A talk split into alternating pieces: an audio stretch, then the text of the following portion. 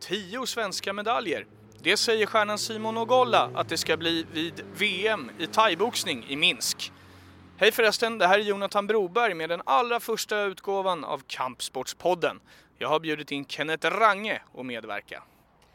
Tio medaljer alltså och tänk då att fyra mycket starka medaljkandidater inte kommer till start i Minsk. Sofia Olofsson världsmästaren, Isa Tidblad Keskikangas Europamästaren och så Bea Malecki som vann både VM-guld och EM-guld. Och så saknas en stjärna som ju missade hemma-VM också, då på grund av sjukdom.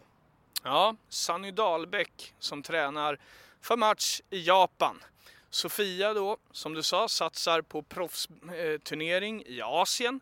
Hon har vunnit sin första match och väntar nu på den andra. För Bea är det MMA-debut som gäller. Och Isa, som valde bort VM för en proffsgala i Libanon, har redan gått sin match. Det blev förlust på poäng mot meriterade Antonina Shevchenko. Men det finns starka kort ändå. Anna Strandberg vann ju VM och tog silver på EM. Simon Ogolla vann EM-guld.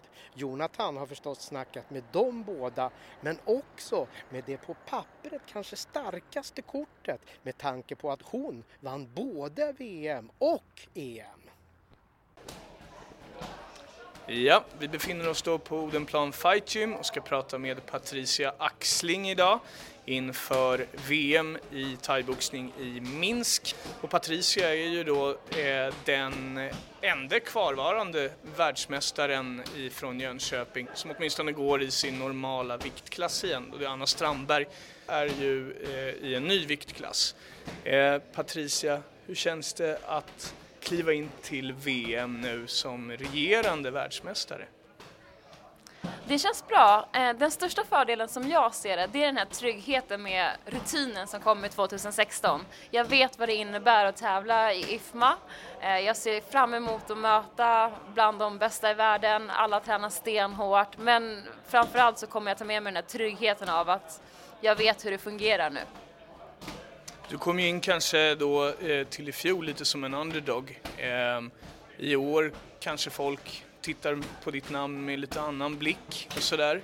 Eh, har, har, du, eh, ehm, har du eh, laddat upp på något särskilt sätt inför det här VMet eller är det same procedure as last year? Alltså, jag tränar väl på ungefär alltid som vanligt när det kommer till eh, de fysiska momenten. Ser alltid till att vara välfysad generellt. Sen däremot inför varje match så har jag och mina tränare eh, Hans Edström och Läck, vi har alltid olika mål och olika fokus. Det finns förstås en röd tråd, ett genomgående tema, men vi har ganska, eh, efter SM så visste vi med en gång vad det var vi behövde jobba på och vad vi ville liksom, eh, vilka styrkor vi ville utveckla ännu mer också. Du vann ju VM-guld då i fjol såklart och så vann du också EM-guld. Eh, hur, med, med, vilken ton tar du dig an den här nya säsongen så att säga? Vi har ju redan haft ett SM också som du har vunnit. Det var otroligt skönt att försvara mitt eh, SM-guld i 57 kilo. Det kändes som en bra start på året. Ehm, jag har eh, eh, som mål att ta VM-guld i år igen. Jag underskattar dock ingenting och tar absolut ingenting för givet. Jag vet att det är bland det tuffaste man kan göra. Det är allra svåraste kanske på, inom amatör thaiboxningen då. Men jag satsar högt. Vad har du utvecklat i, i ditt game så att säga ehm, jämfört med i fjol då? Förutom då det uppenbara som är rutinen så um, har jag lärt mig lite mer is i magen, se lite mer vad som händer, inte bara rusa fram liksom lite, tang, lite tanklöst sådär, om man nästan ska uttrycka det så. Det är klart att jag vill bevara en ganska offensiv stil, men försöka få till lite finlir med att bygga ihop det med vissa kombinationer, se lite alltså vad som händer, kunna liksom läsa gamet på ett annat sätt. Vad, vad händer för dig nu de här sista dagarna inför avresan? Ehm, det här är, delvis är det min sista arbetsvecka på jobbet men därefter så kommer jag vara ledig då i början på nästa vecka.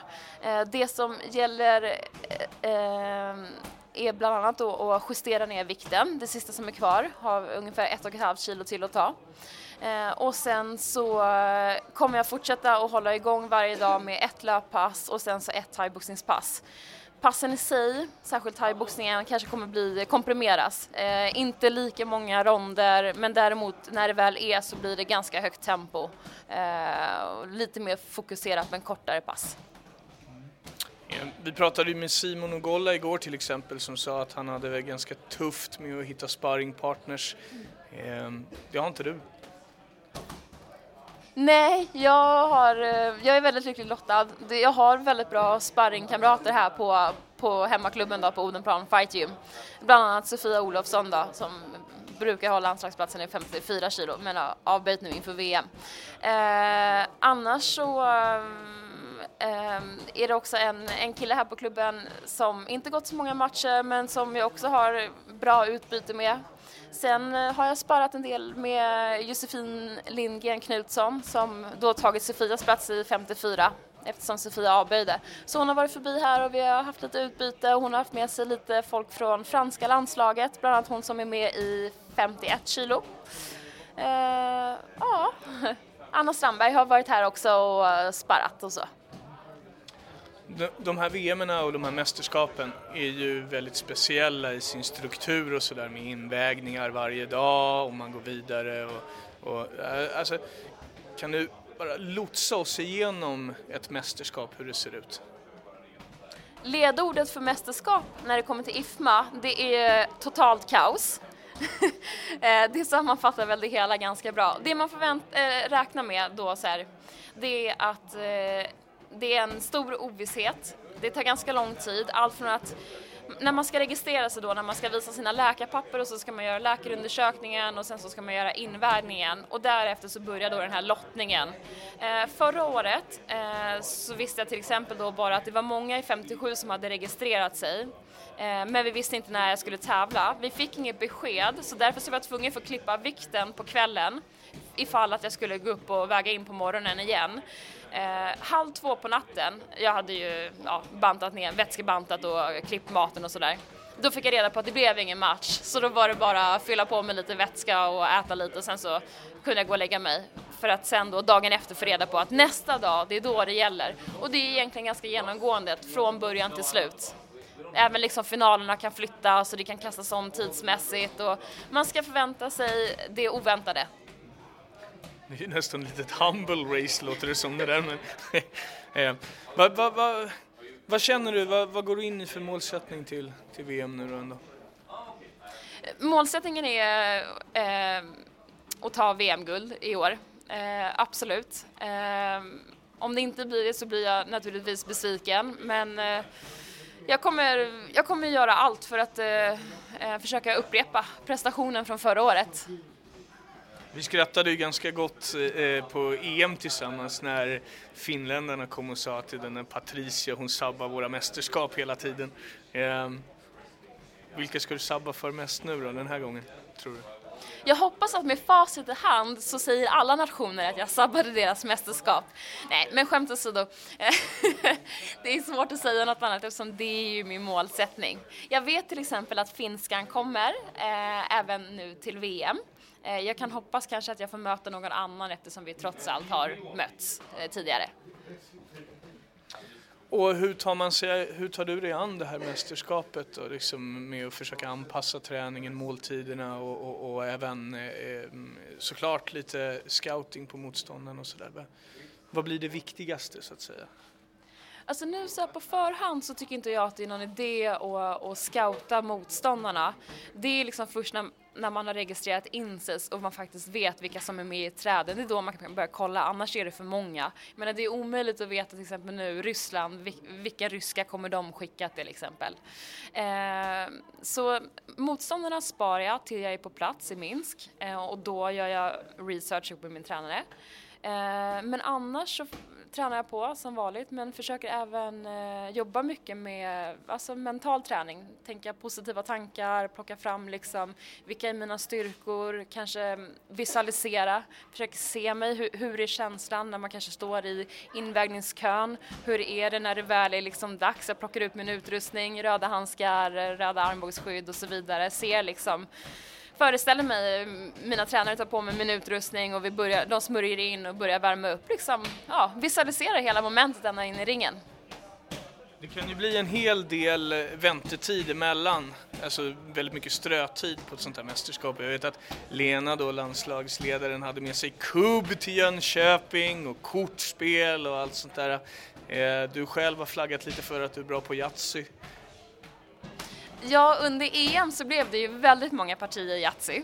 Eh, så då har vi ju jobbat upp en hets nu här inför VM liksom. Så jag, jag skickar ju meddelanden till Lena lite då och då.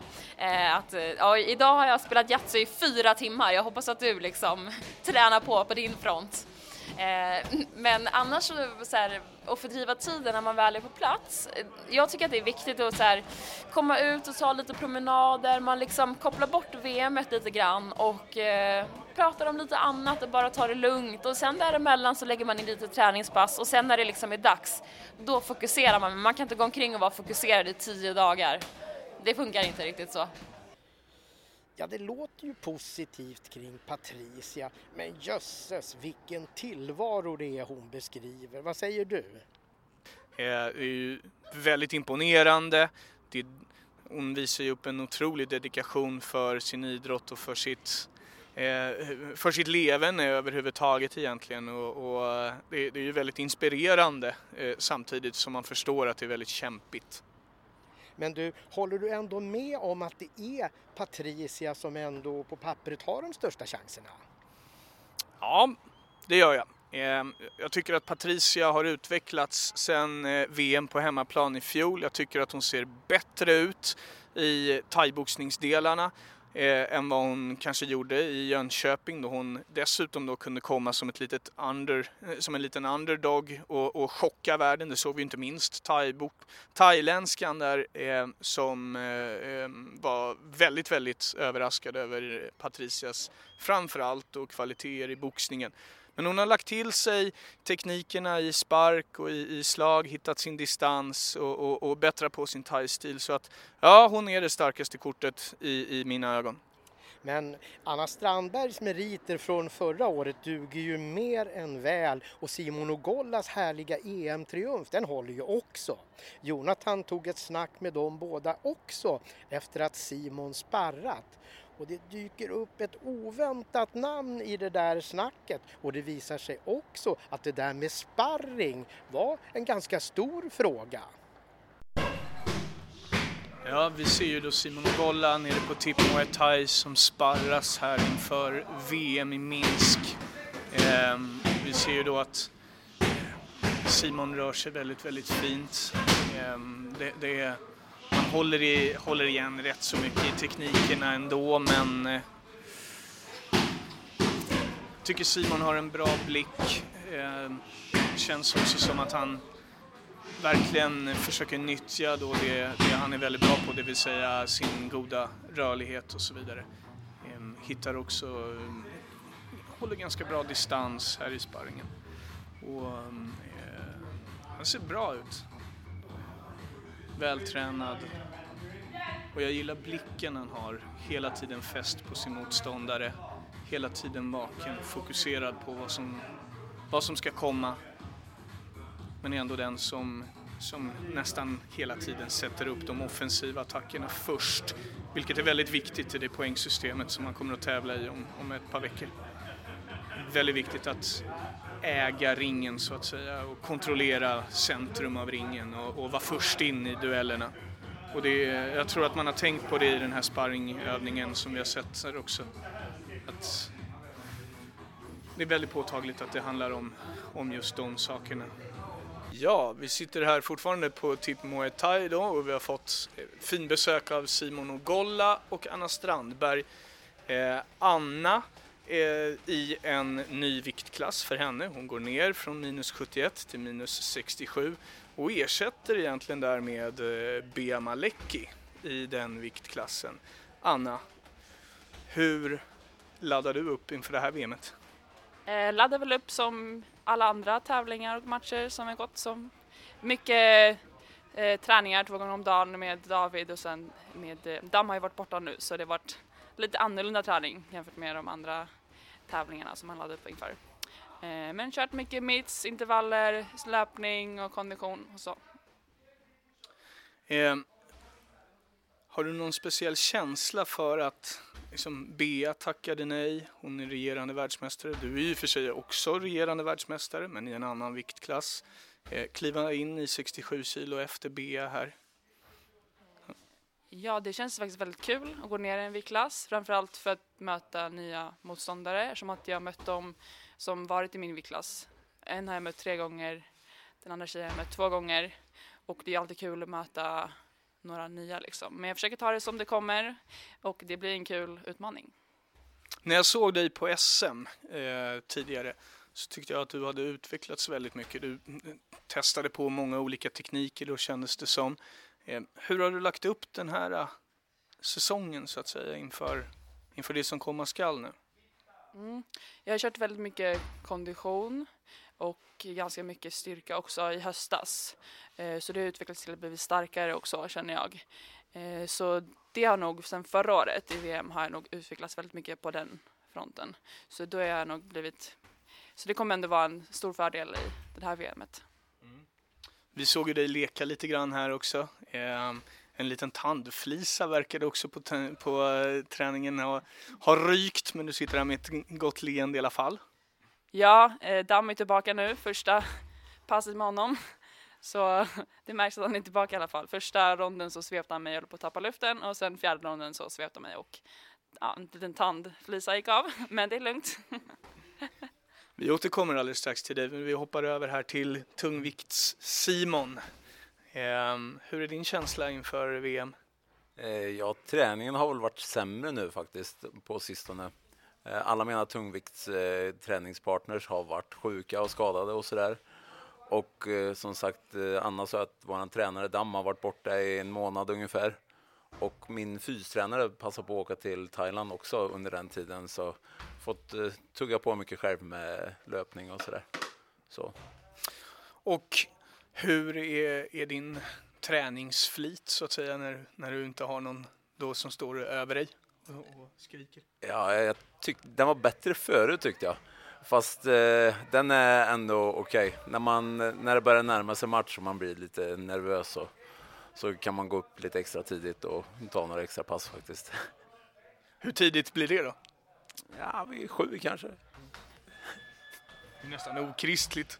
ja, eh, du hade ju en fantastisk säsong i, i fjol som i, på, på något sätt kulminerade i eh, EM-guldet som var Sveriges första eh, manliga mästerskapstitel eh, på 2000-talet. Eh, hur kommer det sig att det blev just du som, som spräckte den där nollan i guldkolumnen? Eh, jag vet inte. Det, det, känns som att det är många som har varit där, där och nosat ändå. Och, och det finns många bra herrar men det var bara en, en tidsfråga innan någon tog ett guld. Så.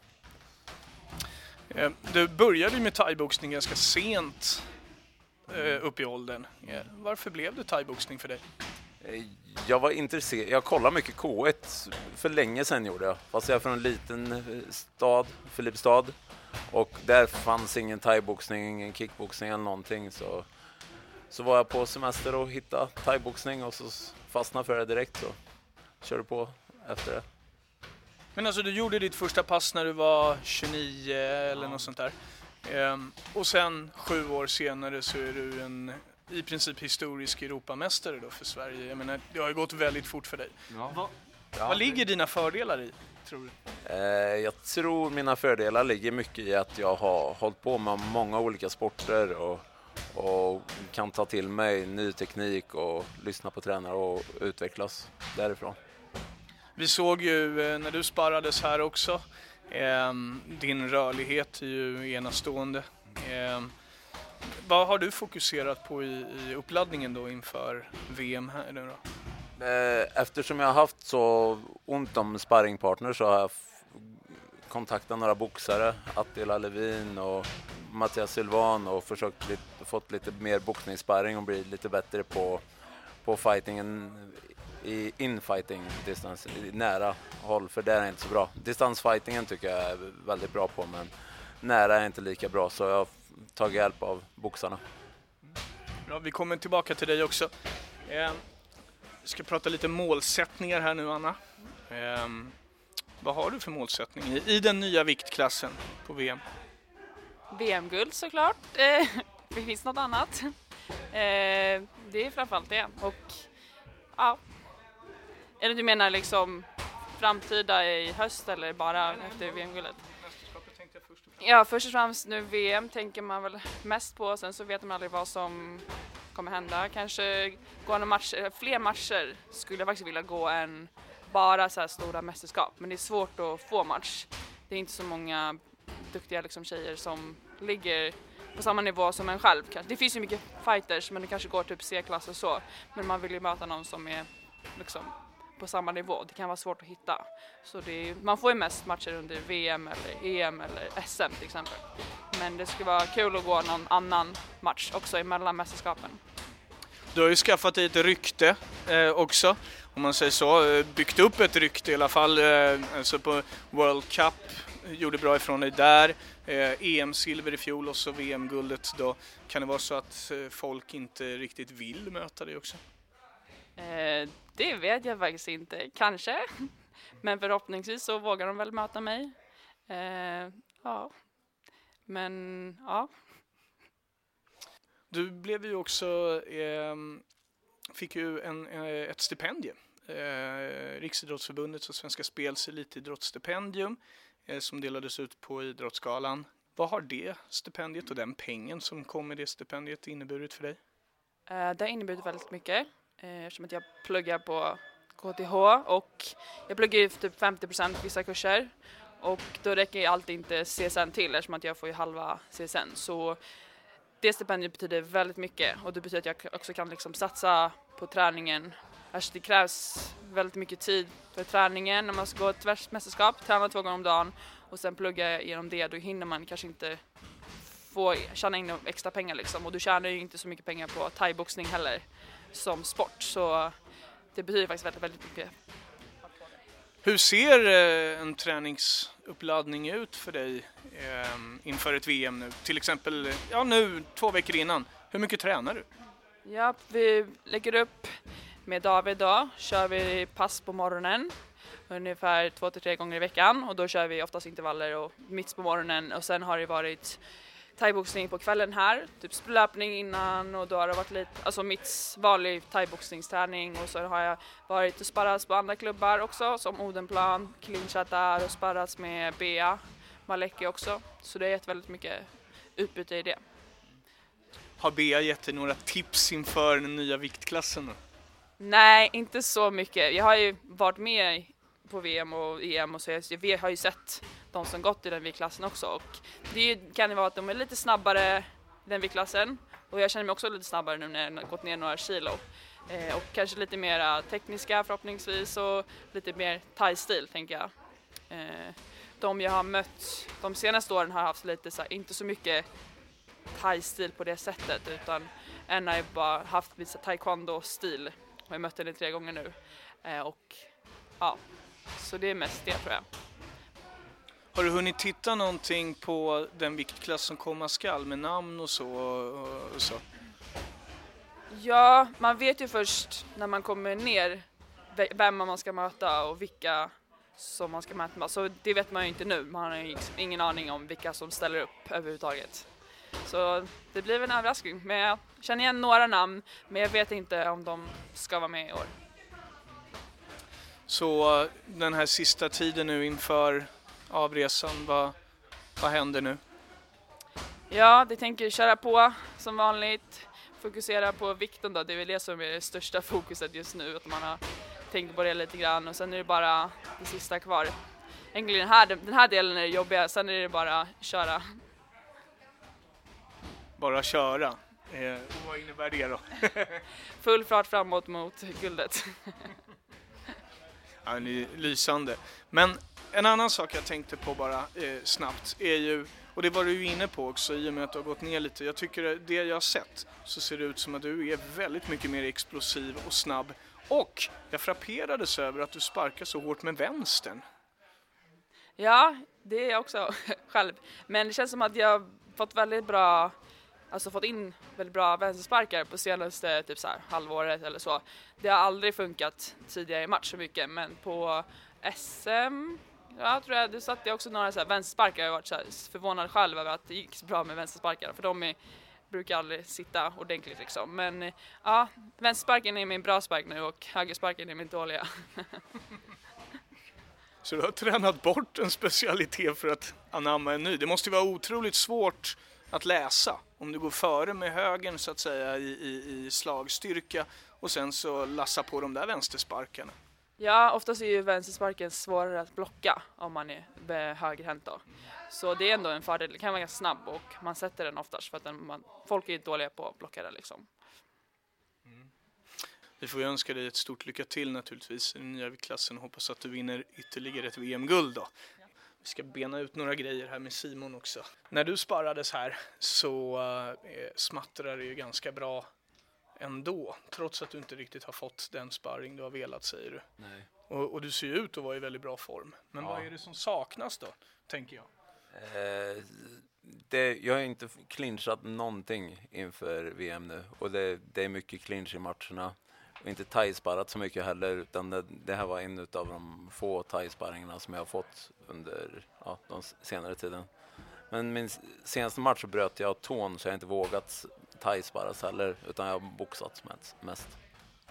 Och din senaste match var den på Rumble of the Kings? va? det Nej du hade en i, till. Ja, en i Rumänien var det. En proffsmatch där. Är det annars eh, proffs som eh, du börjar blicka mer och mer mot nu eller? Ja, det, det är mästerskapen i amatör som fortsätter tänker att gå och SM såklart och sen så vill jag ha proffsmatcher framöver. Här. Eh, om, om vi backar bandet lite grann då till eh, SM. Eh, så så eh, du, du fick ju ingen match där heller. Eh, tyvärr, James kunde inte komma till start. Eh, hur mycket betyder det då att liksom, nu, nu hittade du ju en proffsmatch ändå. Men annars då, hur mycket stör det att inte få så mycket matcher ändå? Eh, Det är ju väldigt jobbigt fast förra året så gick jag faktiskt nio matcher och det fick mycket rutin därifrån. Så. Men eh, ja, det var tur att jag fick en match istället för SM annars hade det varit jobbigt inför den här matchen. Så eh, vad händer med dig nu de här sista dagarna innan avresan?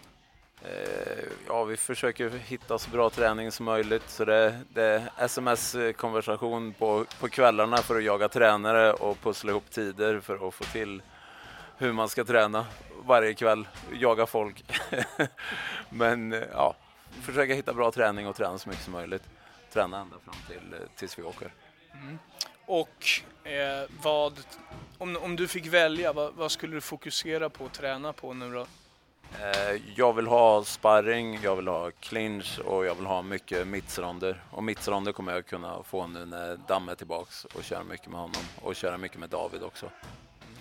Vad kommer eh, det här VMet, alltså med tanke på hur du ändå har gått, du tog ett VM-brons i fjol, ett EM-guld, eh, du fick ett pris på Kampsportsgalan och så vidare. Hur mycket kommer det här VMet att betyda för dig? Eh, det betyder lika mycket som alla andra mästerskap. Det, man lägger inte av bara för att man har vunnit ett mästerskap utan det här är lika viktigt som alla andra, om inte viktigare. Så det är bara att kriga på och försöka ta det här också. Så hungern gnager i dig fortfarande, trots att du hade ett väldigt, väldigt bra år i fjol då? Ja, absolut. Man eh, har någonting att leva upp till nu, så nu är det ännu större press. Vad känner du av det? Att liksom, du är lite mer jagad nu kanske? Eh, nej, egentligen inte. Bara från mig själv. Hur hanterar man det då som, som fighter? För jag vet, det är ju många som, som eh, liksom känner att när man väl kommer till ett mästerskap och vinner för första gången så är det en, ansp an, alltså det, det, det är en press som på något sätt släpper. Men sen kommer man till mästerskapet igen och är, har ett litet annat mentalt spel i sig. Liksom. Eh, det är en större press att, att ta sig långt i mästerskapet men eftersom man får mer och mer matcher så får man mycket mer rutin och blir mer van att vara i ringen. Så, så jag tror det är bara en fördel att, att ha gått mycket matcher och sådär. Så pressen är bra. Eh, hur mycket fortsätter du att utvecklas som thaiboxare tycker du själv? Jag menar, så som jag ser det så, så eh, du går ju från klarhet till klarhet egentligen. Eh, slutar aldrig att överraska på något sätt. Men hur mycket känner du att du går framåt fortfarande? Man känner väl alltid att man utvecklas, man vill utvecklas. Men det är som alltid att man, man känner sig som en världsmästare ända tills man, det är dags för match. För då, då blir man skitnödig och känner att man inte har tränat tillräckligt och man är inte bra på någonting helt plötsligt. Men ja. Du sa till mig en gång att du är väldigt bra på att snöa in på olika typer av detaljer. Mm. Eh, när det handlar om thaiboxning, vad, vad är det du har snöat in på då? Nej, det är helheten. Jag, jag, gillar teknik och jag gillar att utvecklas i teknik och bli bättre och snabbare och hitta nya lösningar på saker och ting. Vad betyder det här för dig? Eh, mästerskapet? Mm, ja, thaiboxningen överlag. Ja, thaiboxningen det är ju hobby och ett liv. Det är, alltså man, det är det här man lev, lever med hela tiden. Man jobbar med det, det är ens hobby. Det, det är väldigt stort i ens liv. Så när jag då kände att eh, jag mötte, möttes av en, en, en svett och en linementdoft och kände att nu är jag hemma. Vad känner du då? Ja, och den här äckliga lukten som vi har på klubben här också. Den, den är också väldigt trevlig. Jag hörde ni att namnet Attila Levin åkte förbi så där i förbifarten? Han är ju faktiskt värd ett litet snack här.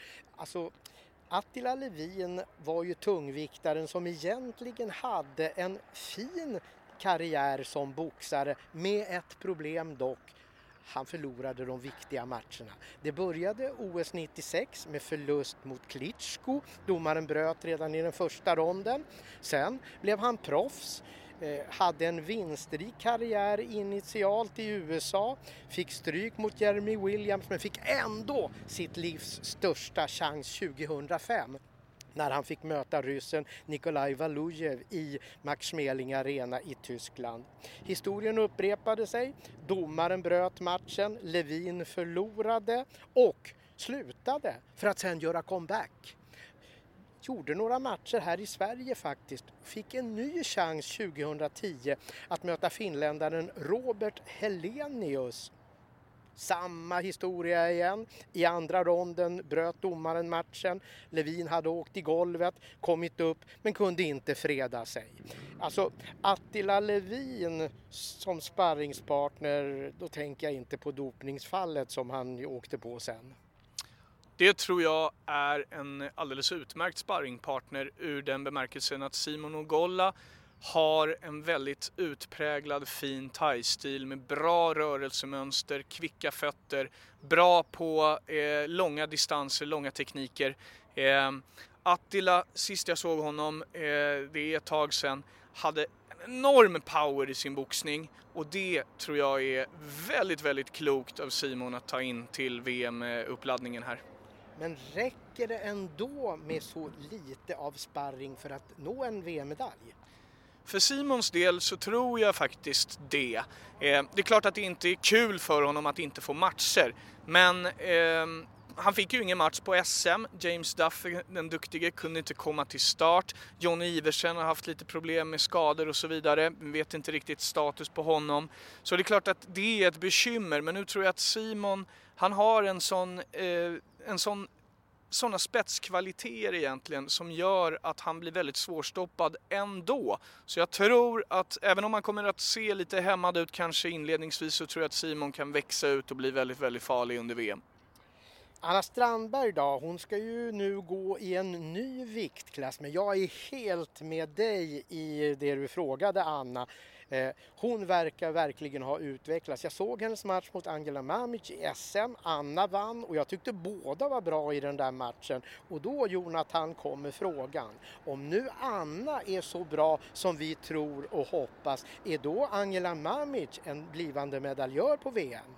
Ja, det tror jag. Eh, Mamic har ju redan vunnit medaljer på mästerskap, eh, men ser man till hur hon har gått framåt så är hon en väldigt, väldigt mycket bättre thaiboxare idag än när hon eh, vann eh, ett silver på VM i Jönköping för ett år sedan. Hon har utvecklats, hon har ett helt annat rörelsemönster, är väldigt snabb och stark Ehm, och är dessutom ganska bökig och jobbig att möta. Så att, eh, jag tror att Mamic är en av eh, medaljkandidaterna, absolut.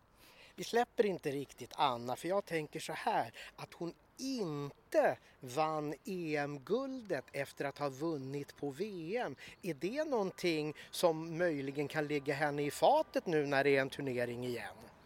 Det blir ju onekligen en liten annan mental uppladdning kanske för henne. Och det är ju onekligen så att det blir lite eh, kanske då en, en form av mentalt spel som hon inte riktigt är van vid. Så det är ju en, en ny sak i alla fall att hantera. Eh, nu tyckte jag Anna gjorde en väldigt bra match mot Mamic på SM och det, det, är ju ett tecken på att hon är på rätt väg och att hon har skakat av sig den här förlusten eh, under EM. Och förluster råkar ju tyvärr då alla utför eh, titt som tätt. Och det blir ju intressant att se då vad, vad Anna har lärt sig av det, för det är ju trots allt det man, man ska gå in med, att, att lära sig av förlusterna. Med Mamic som medaljör som ju du har förutspått så har vi väl hittat fyra svenska medaljörer men du det är långt till Simons tio. Och här duger det ju inte med att fega och säga att vi behöver vänta till lott lottningen har kommit. Vi ska nu vaska fram åtminstone varsin medaljör till och du Jonathan får börja nu. Tack! Eh, då tror jag så här att talangen Abdallah Habib i minus 71 kilo på herrarnas eh, sida. Han pressade Sanny Dahlbäck så hårt under SM och, och, jag var så mäkta imponerad av Habib under den matchen och under SM-resan överlag. Så jag tror faktiskt att han eh, är ett av de starkare korten vi har på killsidan. Eh, hans knän, hans otroliga knäkombinationer kommer bli jobbiga för motståndarna att freda sig mot. Jag tror att eh, Abdallah Habib eh, är en av eh, medalj, medaljörerna när vi summerar VM. Jag tror ju en hel del på Sandra Godvik som nu lämnat bardisken vid Stureplan för ett liv i Thailand. Hon kommer direkt till Minsk från Thailand. Kanske är hon full av thaiboxning när hon dyker upp där. Hon var ju i och för sig väldigt, väldigt överlägsen i, i SM-finalen måste man ju säga. Men jag tyckte ändå att det var någonting med tajmingen som fick mig att tro att de här smällarna nu är lite tyngre än vad de har varit tidigare. Hoppas det där inte var bara inbildning. Har du någon synpunkt på Godvik? Tycker att Sandra imponerade väldigt stort under, under SM. Jag håller med dig, hon har gått framåt jättemycket. Så jag tror inte alls att det är någon inbildning. Ehm, jag tror snarare så att Sandra har flyttat till Thailand, hon har fått kvalitativ träning dagligen. Hon äter, sover och lever för thaiboxningen helt enkelt. Så det är klart att hon har gått framåt eh, sen eh, VM i Jönköping då hon var väldigt besviken med att åka ut i första matchen vet jag. Och det kommer hon inte att göra i VM i Minsk, det kan jag nästan lova. Du grävde ju fram en herrmedalj till vid sidan om Simon då. Hittar du någon mer som skulle kunna berika medaljligan? Jag tycker att Filip Wald är en väldigt intressant thaiboxare, har kommit framåt på senare tid här från Lejonkulan i Göteborg. Eh, har en väldigt utpräglad, vacker, fin stil som är poänggivande eh, och är ju dessutom utrustad med en otroligt fight i hjärta så att han, han kommer bli väldigt svårslagen och han imponerade väldigt mycket på mig i SM i alla fall. Eh, Filip Wald säger jag då. Nu ska vi återvända till en av dem som saknas, nämligen Isa Tidblad Keskikangas och hennes val att välja den där galan istället för VM. Jonathan snackade med henne om varför. Ja, vi står här med Isa Tidblad Keskikangas som alltså inte ska ställa upp på VM i thaiboxning i Minsk för du har en VM-match i VMC i Libanon på lördag mot Antonina Shevchenko. Vad är din känsla inför den drabbningen? Ja du, ja men det ska bli jätteroligt. Jag har faktiskt en bra känsla. Hon är ju helt klart favorit men eh, det känns som att jag haft en bra träningsperiod nu så det känns bra inför den här matchen. Mm. Hur kommer det sig att du inte ställer upp i VM för det första? Eh, nej men den här matchen är nu på lördag första registreringarna då för VM blir onsdagen efter. Så då får jag ungefär en, två dagar hemma. Ehm, och den här matchen som det är en VMC världstitelmatch så är det fulla proffsregler med armbågar, eh, fem ronder, tre minuter. Så att ja, det känns som att det var bättre att fokusera på en sak. Ehm, den här galan då i, i Libanon beskrivs ju som en av de absolut största galorna som man kan gå. Kan du berätta lite mer om den? Ja, eh, Phoenix Fighting Championships. Eh, det är en jättestor gala där i Libanon. Jag har inte riktigt helt förstått men det, de har haft en stor gala i höstas och nu ska det vara nummer två då. Och bland annat Sunshine är då huvudmatchen så de har tagit ett riktigt, riktigt bra namn också. Vad vet du om Antonina Shevchenko då? Eh, hon är väldigt, väldigt erfaren. Hon har vunnit IFMA-VM flertalet gånger. Ehm, hon tränar tillsammans med sin syster där, Valentina Shevchenko, som kör UFC. Så hon får ju bra träning genom henne på så sätt. Sen har hon en ganska, inte så traditionell thaiboxningsstil utan blandar mycket med kickboxning, boxning. Hon har tävlat väldigt länge, också i MMA. Så hon är lite udda, eller avig man säger. Du, du har ju gått eh, en, ett par proffsmatcher innan. Eh, är det någon stor skillnad i hur du laddar upp inför den här matchen jämfört med vad, vad som hade varit fallet om du hade gått på VM? Ja, egentligen inte. Nu vet man ju, för sig har man en motståndare, så nu kanske man vet lite mer om henne. Exempelvis att hon är saupa, alltså hon har ansikt. Så det blir inte... Så man kanske anpassar sig lite, lite, men egentligen inte så mycket. Eh, du Jonathan, om man nu vill veta hur det går för svenskarna i Minsk, kan man då lita på sajten eller? Ja, det tycker jag att man, man absolut ska kunna göra. Vi kommer få dagliga rapporter, eh, vi har eh, kontakter med eh, laget varje dag. Eh, så att vi kommer att följa upp VM, på thai, VM i thaiboxning från Minsk eh, väldigt idogt på hemsidan.